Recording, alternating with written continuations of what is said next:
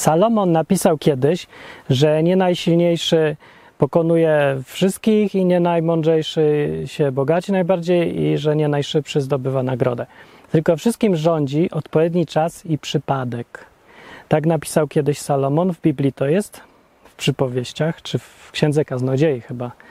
Y, I wniosek z tego jest taki, że wszystkim rządzi przypadek, że nie ma sensu doszukiwać się jakiegoś sensu, bo wszędzie jest przypadek. Jak się to ma do Biblii w ogóle i do koncepcji, że istnieje Bóg, który wszystkim rządzi? O tym jest dzisiaj odcinek. O Bogu po ludzku odwyk.com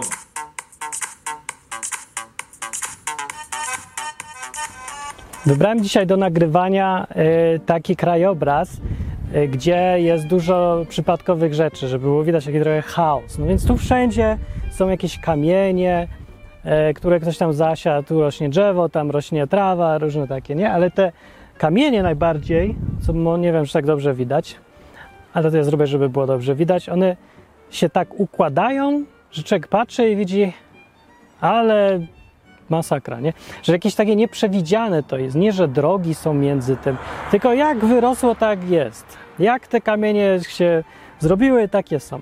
Także człowiek, jak patrzy na takie kamienie, to nie ma wątpliwości, że y, powstało to wszystko tak, jak powstało przypadkiem. Nikt tego nie planował. Nie ma tu planu. Tak po prostu jest i już. I nie ma się co doszukiwać, bo jak się ktoś coś doszukuje, że te kamienie ktoś tu ręcznie obciosał i, i powsadzał, to wyjdzie na głupka. No, no bo jak to inaczej powiedzieć? Albo jest to, jest to człowiek, który sobie wmówił jakąś koncepcję tak bardzo, że nie może się od niej uwolnić nawet pod wpływem faktów. Widzi, że jest przypadek, ale nie. On się upiera, że to coś powstało. I takie właśnie zarzuty są wobec ludzi, którzy wierzą w Boga. Nie? Bo doszukują się w świecie, w którym jest pełno przypadków, doszukują się jakiegoś nieprzypadku. Nie doszukują się planu. Jaki tu plan? Że to wszystko jest taka łąka, taki kamień, takie wszystko. Żaden plan, nie? No. I nawet jeżeli teraz się przeczyta Biblię, to można znaleźć kawałki, gdzie tam jest mowa o przypadku. Zresztą nawet jeżeli to, co mówiłem o Salomonie, że powiedział, że wszystkim rządzi ostatecznie odpowiednie zrządzenie losu i przypadek, nawet jeżeli już to zignorować, to przecież jest cała kupa historii w Biblii, gdzie coś tam się działo, bo się działo, bo przypadkiem ktoś poszedł, przypadkiem kogoś spotkał, przypadkiem coś tam. No tak, że w wielu tych koncepcjach ten przypadek jest adresowany do Boga, jakby. To znaczy, że ktoś kogoś przypadkiem spotkał, to opowieść mówi, że spotkał niby i spotkał przypadkiem, ale za tym stał Bóg. Są takie dwie koncepcje. E, dwie koncepcje odnośnie Boga, albo powiedzmy projektanta tego świata. Zakładając za chwilę, że on istnieje, to mamy dwa sposoby, na jakie można sobie wyobrazić, jak ten projektant wymyślił ten świat nasz i jak nim dalej zarządza. Jest to koncepcja taka, że porównujemy Boga do zegarmistrza. Zegarmistrz to jest taki gość, albo może twórca zegarków, bo nie wiem, czy zegarmistrz to tylko naprawia, czy też buduje. No więc wyobraźmy sobie zegarmistrza, co buduje zegarki, nie tylko naprawia. I ten, co buduje zegarki, robi skomplikowany mechanizm zegarkowy. I ten mechanizm zegarkowy, ten zegarek jest naprawdę mocno skomplikowany i w odpowiednich momentach tam kukułka mu wyskakuje, albo się coś włącza, albo się coś wyłącza, światełka jakieś robią. O 12.15 jest alarm, o 12.14 się wyłącza, różne. Nie, taki skomplikowany zegarek. No i ten projektant, nazwijmy go Bóg, nazwisko na przykład Stefan Bóg. Stefan Bóg jest zegarmistrzem yy, i on zrobił zegarek tak, że siedział nad nim i dubał, dubał, tym zegarku i zrobił już ten zegarek, żeby robił wszystko w odpowiednim czasie i go zostawił. Dał go komuś i mówi, proszę bardzo, to jest mój zegarek yy, i ja już się nie wtrącam. I ten zegarek robi wszystko w odpowiednim czasie. Tak zrobił Stefan Bóg. A jego brat Bartłomiej Bóg jest innym zegarmistrzem. On się nie zawracał specjalnie głowy z tym zegarkiem, tylko on powiedział, że yy, wsadził do zegarka yy, powiedzmy taki odbiornik zdalnie sterowany i teraz jak coś tam się nie, nie gra dobrze, jak coś nie działa w tym zegarku, jak mu się tam coś poprzestawia, albo się zepsuje, albo się w złych godzinach włącza, to on zdalnie wszystko poprawia. zegarek mu tam wysyła informację, że coś tu jest nie tak, trzeba poprawić, nie działa. I ten zegarmistrz, Bartłomiej, drugi zegarmistrz, przez zdalnie sterowane tam urządzenie, on wszystko ręcznie poprawia w tym zegarku. Oba zegarki działają tak samo. Jeżeli masz zegarek od Stefana i od Bartłomieja, nie rozróżnisz, czyj to jest zegarek, bo działa tak samo. Ale pierwszy to był konstruktor, który skonstruował i wszystko przewidział i zostawił, a drugi, i już się nie wtrąca w zasadzie, bo nie musi, a drugi wtrąca się cały czas, bo musi. A tutaj wieje i ja zastanawiam się, czy nie będzie to problem, ale chyba nie. Więc opowiadam dalej. Pytanie teraz jest tak, jak widzisz Boga, konstruktora? Jako Stefana Boga czy Bartłomieja Boga? Bo jest jeszcze trzecia koncepcja pod tytułem Ślepy zegarmistrz. I tam koncepcję najwięcej ludzi yy, chyba akceptuje jako prawdziwą koncepcję. Koncepcja jest taka, że nie ma żadnego Bartłomieja, nie ma żadnego Stefana Boga. Zegarek się zrobił sam. Po prostu prawa natury, przyrody, yy, siły działające na jego ostatecznie tak razem się połączyły, żeby zrobił się nagle zegarek. Nie to tak, że patrzysz na te wszystkie y, kamienie czy coś i mówisz, no to się tak właśnie samo zrobiło. I tak samo patrzysz na zegarek, mówisz, no tak, sam się ułożył i się nakręcił i, i pokazuje w odpowiednim momencie, co trzeba i tak.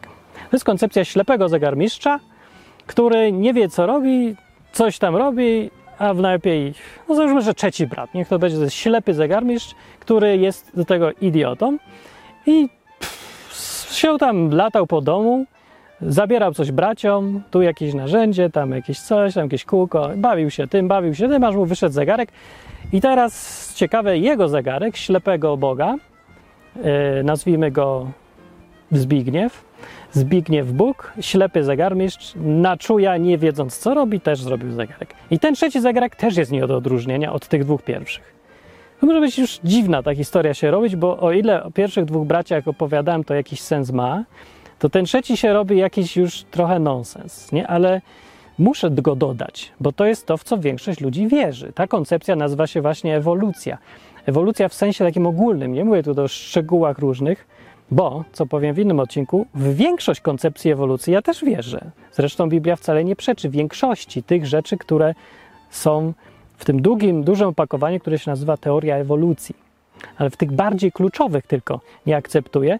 I to na przykład koncepcja ślepego zegarmistrza Zbigniewa Boga jest dla mnie kompletnym nonsensem. Ale to każdy sobie może sam tutaj to widzieć. Bo no, może to jest kwestia przemyślenia bardziej albo mniej, albo może ktoś wie więcej, albo mnie, albo może od innej strony patrz. Mniejsza z tym. Nie o tym chcę teraz mówić. Chcę mówić o przypadku, Przypadek jest, nie ma żadnej dyskusji co do tego, że my na Ziemi żyjąc postrzegamy rzeczy, które się dzieją, jako przypadkowe i nas zdefiniuje je jakoś, żeby było wiadomo o co chodzi. Ten przypadek, przez przypadek rozumiem, że nie dzieją się według planu, nie są częścią większej, większego ciągu przyczyn i skutków, nie, nie prowadzą donikąd, po prostu są i już, bo się zdarzyły. I nie stoi za tym nikt, kto przewiduje to, co się stanie, kto przewidział, kto powiedział, że tak ma być i tak było, dokładnie ja tak chciałem, po prostu się tak stało. To jest przypadek, nie? I te przypadkowe rzeczy Salomon mówi, że się dzieją i to właśnie te przypadki decydują. Pytanie jest takie, różne jest tu pytań teraz. Pytanie jest takie, czy to w ogóle wyklucza się jedno z drugim. To, że my widzimy, że się przypadki dzieją i że to są przypadki. Jeden dostaje raka, drugi nie dostaje raka. To nie jest, że ten, kto wierzy w Boga, bardziej to nie dostaje raka, a ten, kto nie wierzy, to dostaje raka. No bo nawet jeżeli jest tutaj coś nie tak, rzeczywiście, i widać tutaj, że no nawet w wielu przypadkach jednak nie dostaje raka ten, kto wierzy w Boga, a, a ten, kto nie wierzy, dostaje więcej raków. Nawet jeżeli tak jest, to i tak nie w każdym przypadku. Tylko jest to jakieś tam zaburzenie statystyczne, które można ciągle tłumaczyć, wytłumaczyć czym innym. Na przykład tym, że ten, kto wierzy w Boga, żyje bardziej optymistycznie i ma mniej stresu. W związku z tym, że ma mniej stresu, to ma mniejsze szanse na raka, więc ostatecznie yy, zgadza się statystyka, że ten, kto wierzy w Boga, ma rzadziej raka. Ale dalej tutaj jest przypadek, bo może mieć. I, mia, I ma zresztą, ja znam takich ludzi, którzy zagrzyba, nie potrafię zrozumieć, czemu tego raka mają, yy, czy to jest jakaś kara za wierzenie Boga, czy coś. O dziwo, ci akurat ludzie, których znam, w ogóle nie, na mniejszym stopniu nie obwiniają Boga, ani nie widzą w tym też przypadku. Znaczy, się trafiło, nie? Widać, ale zakładają z różnych powodów, że to jest część planu mimo wszystko. I tutaj jest sedno dzisiejszego odcinka. Nie, dwa są sedna. Pierwsze sedno dzisiejszego odcinka jest takie, że koncepcja tego, że my widzimy przypadek, nie wyklucza się z tym, że to jest część większego planu. Tylko po prostu, że go nie widać. Będzie go widać może później, byłoby go widać z dalszej perspektywy. Na pewno byśmy wiedzieli o nim, gdybyśmy mieli więcej informacji, ale nie mamy, więc nie wiemy. Co oznacza, że z praktycznego punktu widzenia dla nas to jest i tak przypadek.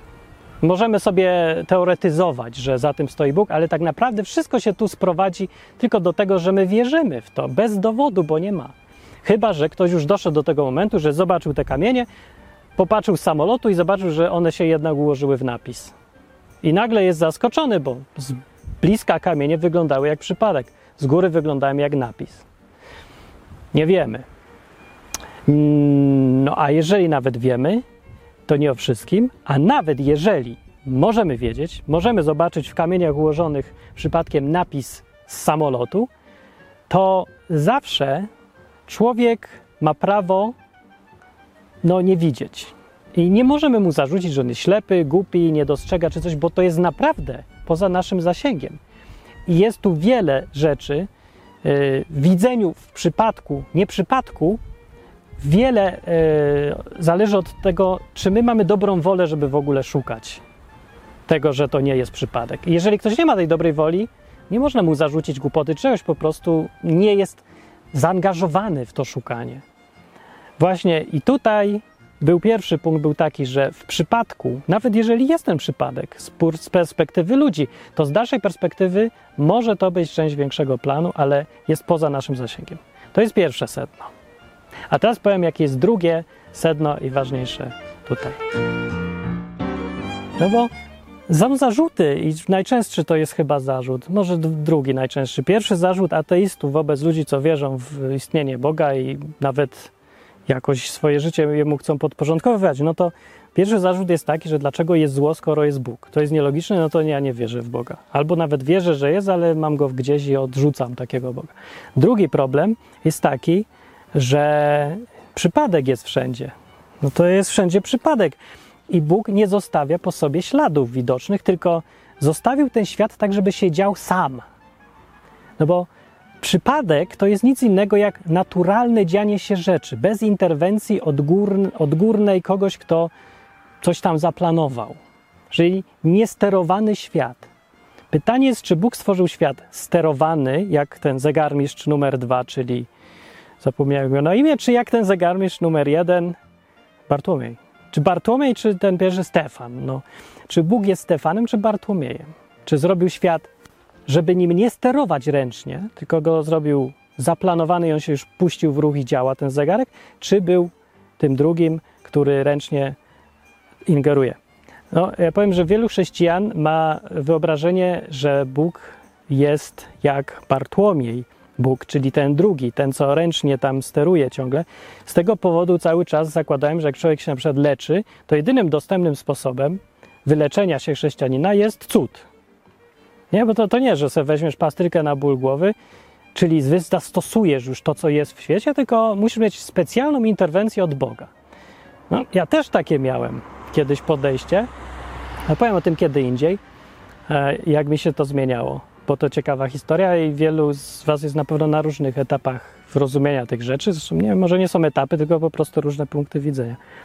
No, ale y, założenie, że Bóg jest tym drugim e, zegarmistrzem, tym, co ręcznie poprawia wszystko przez jakieś urządzenie sterujące, jest trochę nie pasuje do koncepcji Biblii. Nie pasuje z tego powodu, bo to jest ewidentne, że widzenie Boga w ten sposób no, czyni go partaczem. Po prostu to jest marny zegarmistrz, leniwy w najlepszym przypadku, w najgorszym niekompetentny.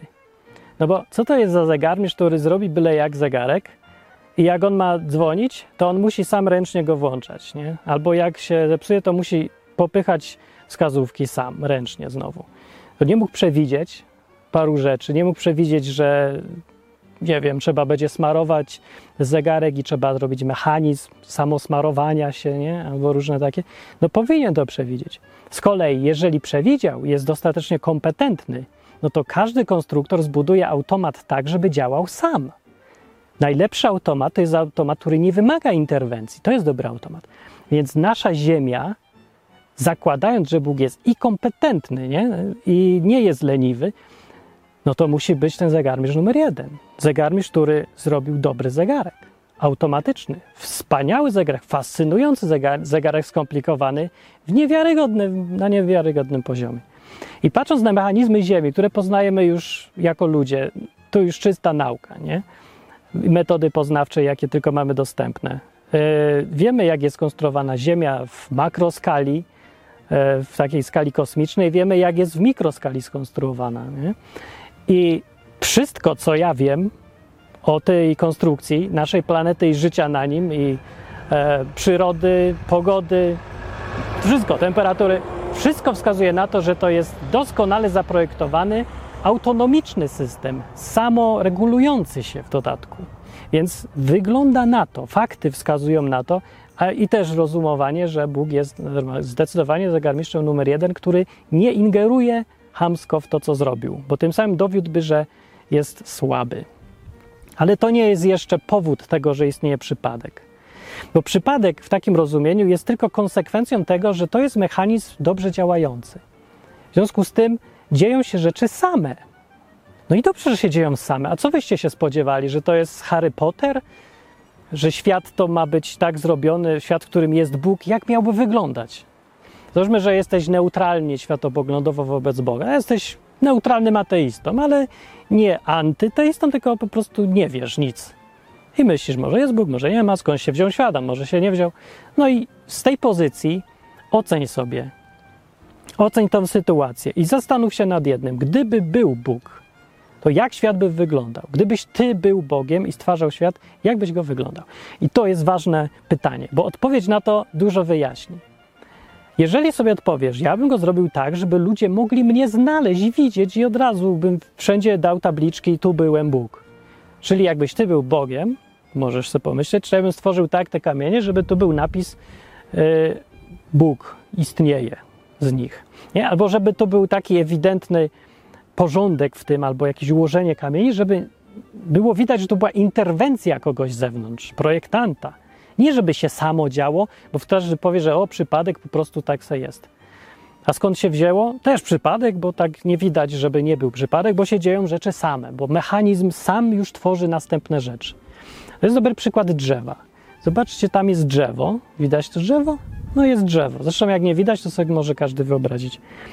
Zobaczcie sobie drzewo i zobaczcie sobie dom. Widzimy dom, to nie mamy wątpliwości, że to jest konstrukcja. Dlaczego? No bo wiemy, że siły same przyrody nie budują domów. Można to jakoś tam dowodzić naukowo i tak dalej. Nie musimy się do tego odwoływać. Weźmy sobie same nasze doświadczenie życiowe. Widziałeś, żeby z kamieni się z dom zbudował, albo cegły powstały znikąd i nagle się zrobił e, dom? Nie. Widać, wyraźnie. To jest konstrukcja, nie ma znaczenia. Dom się sam zbudował. Ale wyobraź sobie, znaczy sam się nie zbudował, tylko ktoś go zbudował. Ale wyobraź sobie taką sytuację, że ten sam dom byłby tak zrobiony, że budowałby się sam od jednego kamienia. Więcej powiem, ten dom reprodukowałby się, dom by się rozmnażał. Gdyby się dom zbudował, to mechanizm w nim, komputer, który steruje domem, zacząłby zbierać kamienie tam z okolicy i produkować robociki, które by budowały nowy dom i tak dalej. Któreś pokolenie, które by widziało, że domy rosną, stwierdziłoby, że domy nie, domy nie są zbudowane przez projektanta, bo domy robią się same. Nie, nikt go nie zbudował. Ja widziałem, dom się sam zbudował, nikogo tam nie było. Czy to by była prawda, czy nie? Gdyby domy się same budowały już. No, z jednej strony byłaby to prawda, bo rzeczywiście nikt nie budował już 17 domu w kolejności, który był budowany przez 16 dom, a 16 dom przez 15 dom i tak w kółko. Jeszcze odpowiednio skomplikowany program udoskonalałby po drodze te domy, żeby były coraz bardziej e, jakieś samodzielne i coraz lepsze. Ale z drugiej strony, gdyby dojść do początku, to rzeczywiście na samym początku tego stał i tak konstruktor. I to on zbudował pierwszy dom z mechanizmem samobudowania się i samonaprawy i, i rozmnażania się już dalej automatycznie. To jest to samo, co zrobił pierwszy zegarmistrz. Teraz, dlaczego drzewo? Jeżeli popatrzymy na drzewo, to pytanie, czy ty widzisz odpowiednik domu, który ktoś zrobił ręcznie, czy właśnie odpowiednik tego domu automatycznego, który powstał już sam? Naturalnie niby, tak jak i te domy reprodukujące się, ale drzewo też się reprodukuje. Ale mechanizm w nim zawarty, pytanie jest, skąd się wziął ten mechanizm? I tutaj ci, którzy wierzą w ewolucję, mówią sobie beztrosko, no też powstał znikąd. A ja mówię, no gdybym widział dom, który się sam buduje, to bym powiedział, nie, że powstał se sam znikąd beztrosko, bo się sam buduje, no to samo działa, no to jak samo to przypadek. Z siły natury, nie, ma, nie angażujmy tu projektanta. No nie, bo powiedziałbym właśnie, tym bardziej jest projektant, jeszcze bardziej zdolny, niesamowity projektant, bo zamiast robić sobie ręcznie, to wymyślił sobie roboty, które, dom, który produkuje roboty, które produkują nowy dom, który produkuje roboty i produkują nowy dom. I to jest najlepszy konstruktor na świecie, bym powiedział. Więc czym się różni dom od drzewa? Jak widzisz drzewo, to widzisz co? Reprodukujący się efekt projektu, czy po prostu obiekt, który powstaje naturalnie już? To jest właśnie najdziwniejsze to, że jedno z drugim się nie wyklucza, co chcę powiedzieć na tym przykładzie. I teraz do sedna bardziej. Bo to samo, to wszystko jest po to, żeby tutaj dojść do tego wniosku, o którym mi chodzi od początku. Po co jest w ogóle ten przypadek? Dlaczego to było tak skonstruowane? Czy Bóg nie mógł być tym zegarmistrzem, który się podpisuje wszędzie? Czy gdybyś ty był Bogiem, to byś był właśnie takim, który zostawił po sobie głośny ślad, napis na niebie Bóg istnieje? Czy reklamowałbyś się ludziom, żeby nie mieli wątpliwości, że ty istniejesz? Czy nie? Jak się nad tym zastanowisz, to zawsze dojdziesz do pytania, właściwie to po co ja ten świat zbudowałem? I to jest doskonałe pytanie. Po co ty ten świat zbudowałeś i po co umieściłeś w nim rozumnych ludzi, którzy mają wolny wybór? Bo to nie ma wątpliwości, że ludzie mogą decydować, bo decydują przecież, widzimy. Jedni mówią, a ja nie wiem, co to jest ten Bóg, mnie to nie obchodzi. Drudzy mówią, ja wierzę, że go nie ma i wierzenie w niego jest szkodliwe, będę walczyć z tym głupim przesądem. A inni mówią, a ja chcę zaryzykować. Jeszcze inni e, mówią, ja chcę zaryzykować i uważam, że go w ogóle znalazłem. I żyję sobie zgodnie z nim. Różnie, nie? Ale każdy decyduje. Dlaczego tak jest, że każdy decyduje w tak ważnej kwestii? No właśnie dlatego, bo Bóg się nie reklamuje. W naszym świecie Bóg, który zrobił naszą rzeczywistość, którą tu nagrywam i mówię przez tą rzeczywistość do Was, zrobił to w ten sposób, żeby istniał przypadek, żeby przypadek był wszędzie i żeby zawsze można było powiedzieć, w zgodzie ze sobą samym, ja nie wierzę, że za tym przypadkiem, który widzę, stoi jakiś większy plan i konstruktor.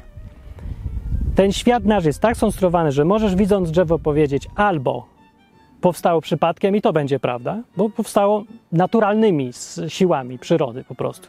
Przyroda zrobiła drzewo. I możesz też powiedzieć, a ja wierzę, że konstruktor wymyślił pierwsze drzewo tak, żeby się rozmnażało w następne drzewa. Możesz też powiedzieć, a ja wierzę, że jedno jest prawdą i drugie jest prawdą i zostać rabinem. Bo akurat te rzeczy się nie wykluczają, co jest dziwne, jak na, na przykładzie samoreprodukującego się domu, e, powiedziałem wam. No. Więc po co jest ten przypadek? Jeżeli się weźmie tu teraz Biblię, bo tu wróćmy już do Biblii, bo do tej pory to tylko sobie rozumuję o zupełnie podstawowych rzeczach, nie mieszając Biblii. Możemy zobaczyć, za, zakładając, że ta Biblia pochodzi od tego pierwszego Boga. W ogóle jej powstanie też jest, y, jest dokładnie wynikiem tych samych założeń, tego samej, tej samej konstrukcji świata, że Bóg nie spisał ręcznie, jak tej Biblii, jak zegarmistrz Bartłomiej, który wszystko ręcznie robi, tylko doprowadził do tego, że powstała, jak zegarmistrz, jak on się nazywał, Stefan, no, ten pierwszy. I Biblia też tak powstała i wszystko tak działa właściwie, że ewidentne jest, że jeżeli nawet jest Bóg w tym świecie, to on się ukrywa. Ukrywa się za przypadkiem. Dlaczego? Ciągle jest pytanie, na które jeszcze ciągle nie odpowiedziałem, bo może sobie znajdziesz odpowiedź, zanim ja powiem, nie? To by było najlepiej. Może powinienem teraz skończyć. Ale powiem dlaczego, bo może a potem się nie zgódź, albo znajdź swoją odpowiedź na to pytanie. Dlaczego świat jest tak skonstruowany, że nie ma pełno reklam Boga, tylko wszędzie przypadek ja mam jedną odpowiedź na podstawie właśnie tego, co ta Biblia mówi. Bo Biblia daje jasno do zrozumienia, że Boga trzeba, żeby go znaleźć, to trzeba go szukać. Tak mówił sam, mówił przez proroków, tak wynika z konstrukcji tego świata w ogóle, że no, w ogóle istnieje ten przypadek, żeby się doszukać w przypadku nieprzypadku, no to trzeba po, poszukać. Nie siedzieć i czekać, aż do ciebie przyjdzie. Zrozumienie, objawienie, czy coś ci przed oczami się nagle zrobi. Nie, jak musisz, chcesz zobaczyć, czy te kamienie układają się w napis, musisz wsiąść do samolotu i wylecieć wysoko. To wymaga wysiłku, zaangażowania, aktywności, aktywnego szukania, podjęcia ryzyka. W skrócie, według w biblijnym języku to się nazywa wiara. Jakub napisał w Nowym Testamencie w liście, że bez wiary Bogu podobać się nie można w ogóle. Tak napisał. W Starym Testamencie gdzieś z kolei prorok mówi, że znajdziesz Boga, ale tylko jak go szukasz. Jak go szukasz z całego serca w ogóle. Największe przykazanie, które do dzisiaj ludzie y, wierzący w judaizm, nie? dla nich to jest ciągle największe hasło podstawowe całego wierzenia w Boga, to jest Słuchaj Izraelu, Bóg jest jeden i będziesz Boga miłował z całej, z całej duszy, mózgu, nie na mózgu, duszy, rozumu, serca i siły. Z całej siły. Oznacza to, w tym już jest za, zawarte to, co Bóg oczekuje. Oczekuje proaktywnego, jest takie piękne słowo, takie lewackie, ale tu dobrze pasuje, proaktywnego szukania Boga. Szukanie nie polega na tym, że czekasz na oferty i odpowiadasz. Proaktywność polega na tym, że ty sam z własnej inicjatywy e, podejmujesz to szukanie, z własnej inicjatywy i sam ryzykujesz i sam szukasz na, od siebie. Nie w odpowiedzi na coś, tylko sam. To jest jasne, jak się zna Biblię. Nie dam wam konkretnych cytatów, bo sobie musicie tu całą przeczytać, żeby sprawdzić, czy to jest spójne przez całą Biblię ale ja Wam już od razu z góry powiem, tak, jest to spójne.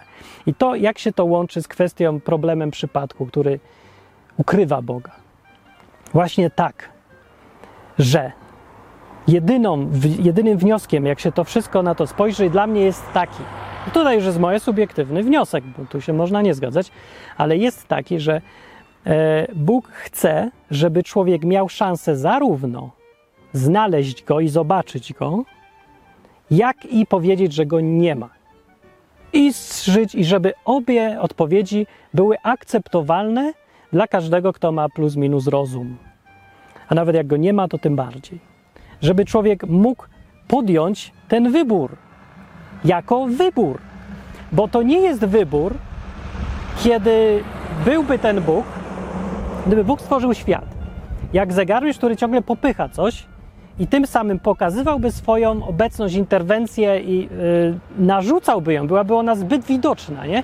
to jaki mielibyśmy wybór, e, jeżeli chodzi o odpowiedź na pytanie, czy Bóg jest, czy go nie ma, czy ja wierzę, że w ogóle istnieje, czy nie? No nie byłoby wyboru, bo to byłoby fakt, oczywisty. Tak jak ja nie mam wyboru, żeby wiedzieć, czy to drzewo istnieje, albo ten kamień, albo ja. Nie mam tu wyboru. To jest tylko fakt. Nieakceptowanie rzeczywistości to już jest zaawansowana choroba psychiczna. Ale ktoś, kto mówi, że Boga nie ma, no, nikt nie uważa, że to nie jest choroba psychiczna. Ten, kto uważa, że Bóg jest, też nie jest to choroba psychiczna. To jest tylko ryzyko, wierzenie.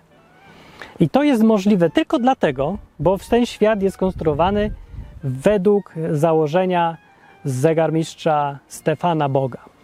Czyli został puszczony w ruch i działają w nim siły same. Bóg się wycofał z ręcznego sterowania światem.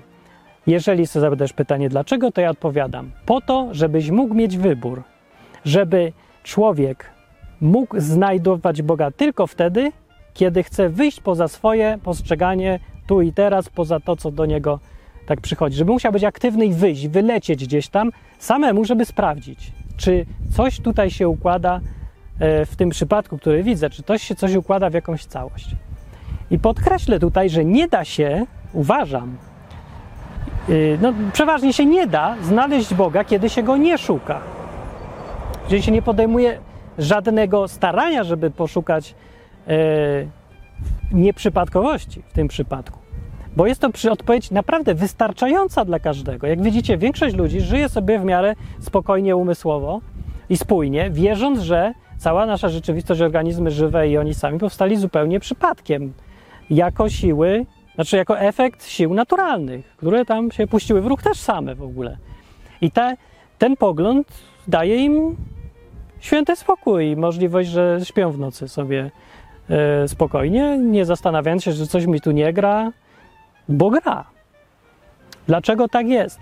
Najbardziej podstawowa odpowiedź, dlaczego Bóg chciał tak bardzo dać wybór wolny ludziom? Dlaczego do tego stopnia, że aż się ukrywa, że nie robi interwencji ręcznych poza wyjątkowymi sytuacjami? To nie jest tak, że cuda mają być częścią życia. Nawet jeżeli one są, to muszą być po cichu, tak żeby ich nie zauważyć, po to, żeby ludzie mogli mieć prawdziwy wybór. Wynika, stoi za tym jakiś przedziwny szacunek do tego człowieka. Z perspektywy Boga patrząc, on jest dziwny i niespodziewany, że ktoś, kto ma prawo, jest w pozycji silniejszego i ma prawo narzucić, co mu się tylko podoba, wcale nie chce tego narzucić z pozycji silniejszego. Da się to zrozumieć, jeżeli sobie próbujesz się wczuć w sytuację jakiegoś pana nad, jesteś, mieszkasz w, załóżmy w zamku lubomirskich, jesteś panem lubomirskim, masz swoich chłopów, ale ty jesteś kimś, kto strasznie lubi tych chłopów, chce mieć z nimi kontakt, chce się zbratać, jak to zaleciało Gombrowiczem, no chce się e, po, zaprzyjaźnić, poznawać, uczyć, wszystko, chce mieć kontakt naturalny, ale nie da się tego zrobić, póki ci chłopi widzą w nim pana ciągle i muszą mu służyć. No, on dalej chce być panem, bo wie, że jak nie będzie panem, to ci chłopi no, no nie, za, nie, nie zajmą się swoim życiem, bo nie są na tym poziomie jeszcze. Może kiedyś, ale teraz to tak niech lepiej, no muszą słuchać, ale jednocześnie chciałbym. To jest trudne do pogodzenia, ale jedno jest pewne, że żeby była relacja między dwiema osobami, wszystko jedno, jakimi, to musi być dobrowolna relacja. I dobrowolnie wybierać muszą obie strony, że chcą być razem. Tak jak i w małżeństwie, żeby było działające, żebyśmy mogli gadać mężczyzna z kobietą, czuć się dobrze, rozumieć się, lubić być ze sobą. Nie może tu być przymusu, nie może tu być obowiązku, tu musi być zawsze chęć. Musi być w tym wolność wyboru, że obie strony się wybrały. No, małżeństwa z przymusu to mogą się przekształcić w małżeństwa dobrowolne jakimś wysiłkiem. Ale przeważnie ludzie się godzą z sytuacją. Ale to nie jest to samo, co wybranie tej sytuacji. Może nie każdy miał w życiu tyle doświadczeń, żeby porównać jedno z drugim. No mi się tak zdarzyło, że miałem i jest różnica olbrzymia. To jest całkiem co innego. Nikt, kto z, był w związku, który był dobrowolny, oparty na szacunku, na akceptacji, że druga osoba z własnej woli może być ze mną albo nie być. Na takim czymś, na tym prawie do wybierania. Nikt nie chciałby wrócić do relacji, która jest jakaś przymusowa, obowiązkowa, albo że zmuszony zostałeś do tego, żeby wybrać tą osobę, bo nie masz innego wyboru. Bo tylko jest jedyny pracodawca w okolicy, sorry, musisz mieć pracę tam. I największą inicjatywę w tej sytuacji, żeby ją zmienić w jakąś dobrowolność, ma oczywiście ten pracodawca w tej sytuacji. W naszej sytuacji, jak mówimy o Bogu, który stworzył świat, to największą inicjatywę ma Bóg. Zrobił więc świat tak, żebyśmy my mogli wybierać w nim, mogli nie wybrać Boga. Ale wybierając go, musimy to zrobić z własnej aktywności. Więc upewnił się, tak robiąc świat, żeby być w nim jak najmniej widocznym, po to, żeby człowiek, jeżeli już chce z nim być, to był naprawdę z własnej woli. Ta wolność jest od samego początku przez całą Biblię. Ja już o tym mówiłem w różnych odcinkach, ale przypomnę jeszcze raz, że od samego drzewa w tym Edenie, w tej historii biblijnej, to drzewo jest bez sensu i zbędne na samym początku. Jedyne co ono robi, to przeszkadza. Ale gdyby go nie było, to człowiek musiałby być w raju i musiałby wiedzieć, że Bóg istnieje, musiałby akceptować go. Nie byłoby wyjścia żadnego. Ale Bóg musiał dać człowiekowi wyjście, bo ewidentnie z jego perspektywy wartość kontaktu Boga z człowiekiem ma tylko wtedy jest jakaś ta wartość, kiedy człowiek wybiera Boga sam. Wybiera, a nie jest mu on narzucony z góry. Dlatego tak się może potoczyła historia świata, jeżeli wierzyć temu, co Biblia mówi, e, jak się potoczyła, bo Bóg próbował połączyć swoje chęci e, z chęciami ludzi i z tym, co musi być, próbował połączyć to, co musi być, z tym, co chce, żeby było. I wypadkowa jest taka, jaka jest dzisiaj. Jesteśmy dzisiaj tu, 2018 rok. Istniał taki Jezus, Jezus umarł na tym krzyżu. Mówią ludzie, że zmartwychwstał, ale tu też zawsze zostaje troszkę wątpliwości na tyle, żeby człowiek musiał sam uwierzyć, czyli zaryzykować, bez dowodów. Bo jest bardzo dużo argumentów, że był Jezus. Tutaj mało kto dyskutuje, ale że zmartwychwstał już jest dyskusyjne, chociaż nie sposób tego wytłumaczyć inaczej, co się stało, co wiemy z historii. Argumentów jest masa, ale zawsze, jak ktoś chce powiedzieć, że ja nie wierzę, że Jezus zmartwychwstał, to może i ma dostatecznie dużo powodów, żeby wątpić. Tak jak ze wszystkim innym. Wszystko można se wątpić i być dalej człowiekiem rozumnym i na poziomie. Po prostu nie wybrałeś poszukiwania Boga. I zastanawiam się w ogóle, bo to też Jezus mówił takie rzeczy kiedyś, e, co to znaczy wielu jest powołanych, a niewielu wybranych, coś takiego, nie? Jakieś, albo odwrotnie. Ale nie wiem dokładnie tam, jak to sobie widzieć, ale coś przeczuwam, że tu może chodzić o ten aspekt, że na początku, początkiem relacji człowieka z Bogiem jest w ogóle chęć a nie, by, a nie przekonanie jakimiś dowodami. Nie? Więc to, co ja mówię, jest właściwie bez sensu, bo ja tu nikogo nie przekonam do niczego, e, ani nie zbliżę go do tego, żeby zaryzykował jakieś życie z Bogiem, jeżeli na to wychodzi, on wcześniej sam nie będzie proaktywnie szukać jakiegoś Boga, jakiegokolwiek, w ogóle kont, e, potencjalnego Boga, czy w ogóle może istnieć, nie? jak sam nie zacznie. No ale ja przypomnę, że program odwyk nie jest do nawracania, jest tylko do informowania, do zmiany sposobu myślenia. Ja jestem tak samo zadowolony, jak ty po tym, co ja tu powiem, zrozumiesz lepiej Biblię i wybierzesz, że nie chcesz mieć Boga i chcesz być ateistą jak najbardziej, cię to nie przekonuje, a jak, jak przekonuje, to ty wolisz zaryzykować inaczej. I tak samo mnie ucieszy, że będziesz chciał zaryzykować, że jednak Bóg istnieje i zobaczyć, do czego to doprowadzi, kiedy spróbujesz potraktować poważnie, że ten Jezus może istnieje i może zaangażowanie się w Niego, deklaracja, nie? że proszę bardzo, ja Ci teraz służę i może mnie słyszysz, a może jestem wariatem, bo mówię do powietrza, ale ja zaryzykuję, zobaczymy, co się stanie. W obu przypadkach będziesz bardziej świadomym człowiekiem i podejmiesz decyzje lepsze, który, od których będziesz miał spokój wewnętrzny. No to też o to chodzi, to jest wszystko lepsze nie? niż jakieś przymusowe wierzenie w cokolwiek. Zauważcie też, jak bardzo inaczej podchodzi się do tego, do całej tej koncepcji wolności w wybieraniu Boga w kościołach na przykład. Nie, bo na przykład mnie nikt nie pytał o zdanie, czy ja chcę być katolikiem. My wzięli i ochrzcili.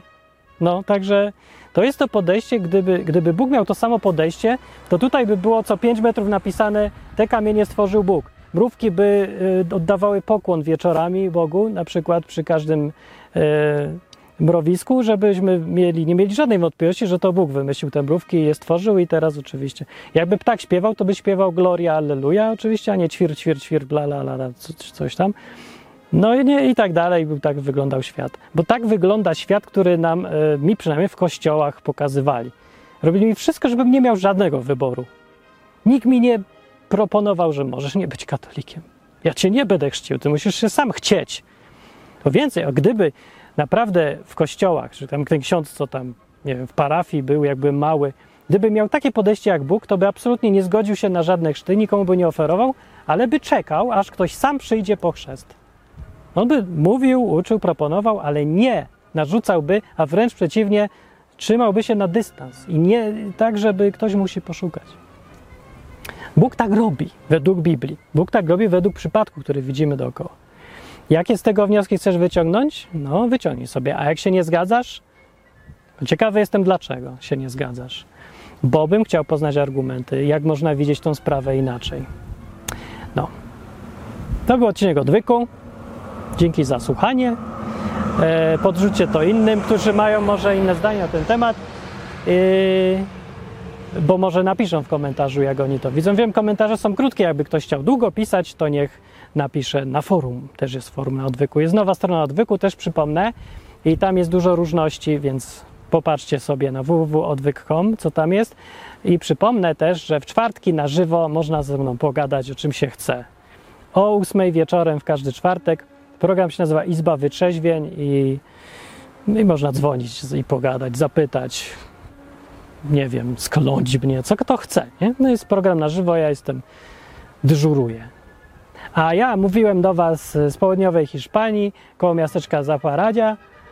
E, tam widzicie jakieś góry wszędzie dookoła. Ładnie tu jest, nie? Ale zadupia nieprawdopodobne. Ale to co? E, kto wie, gdzie będę za rok. Cześć!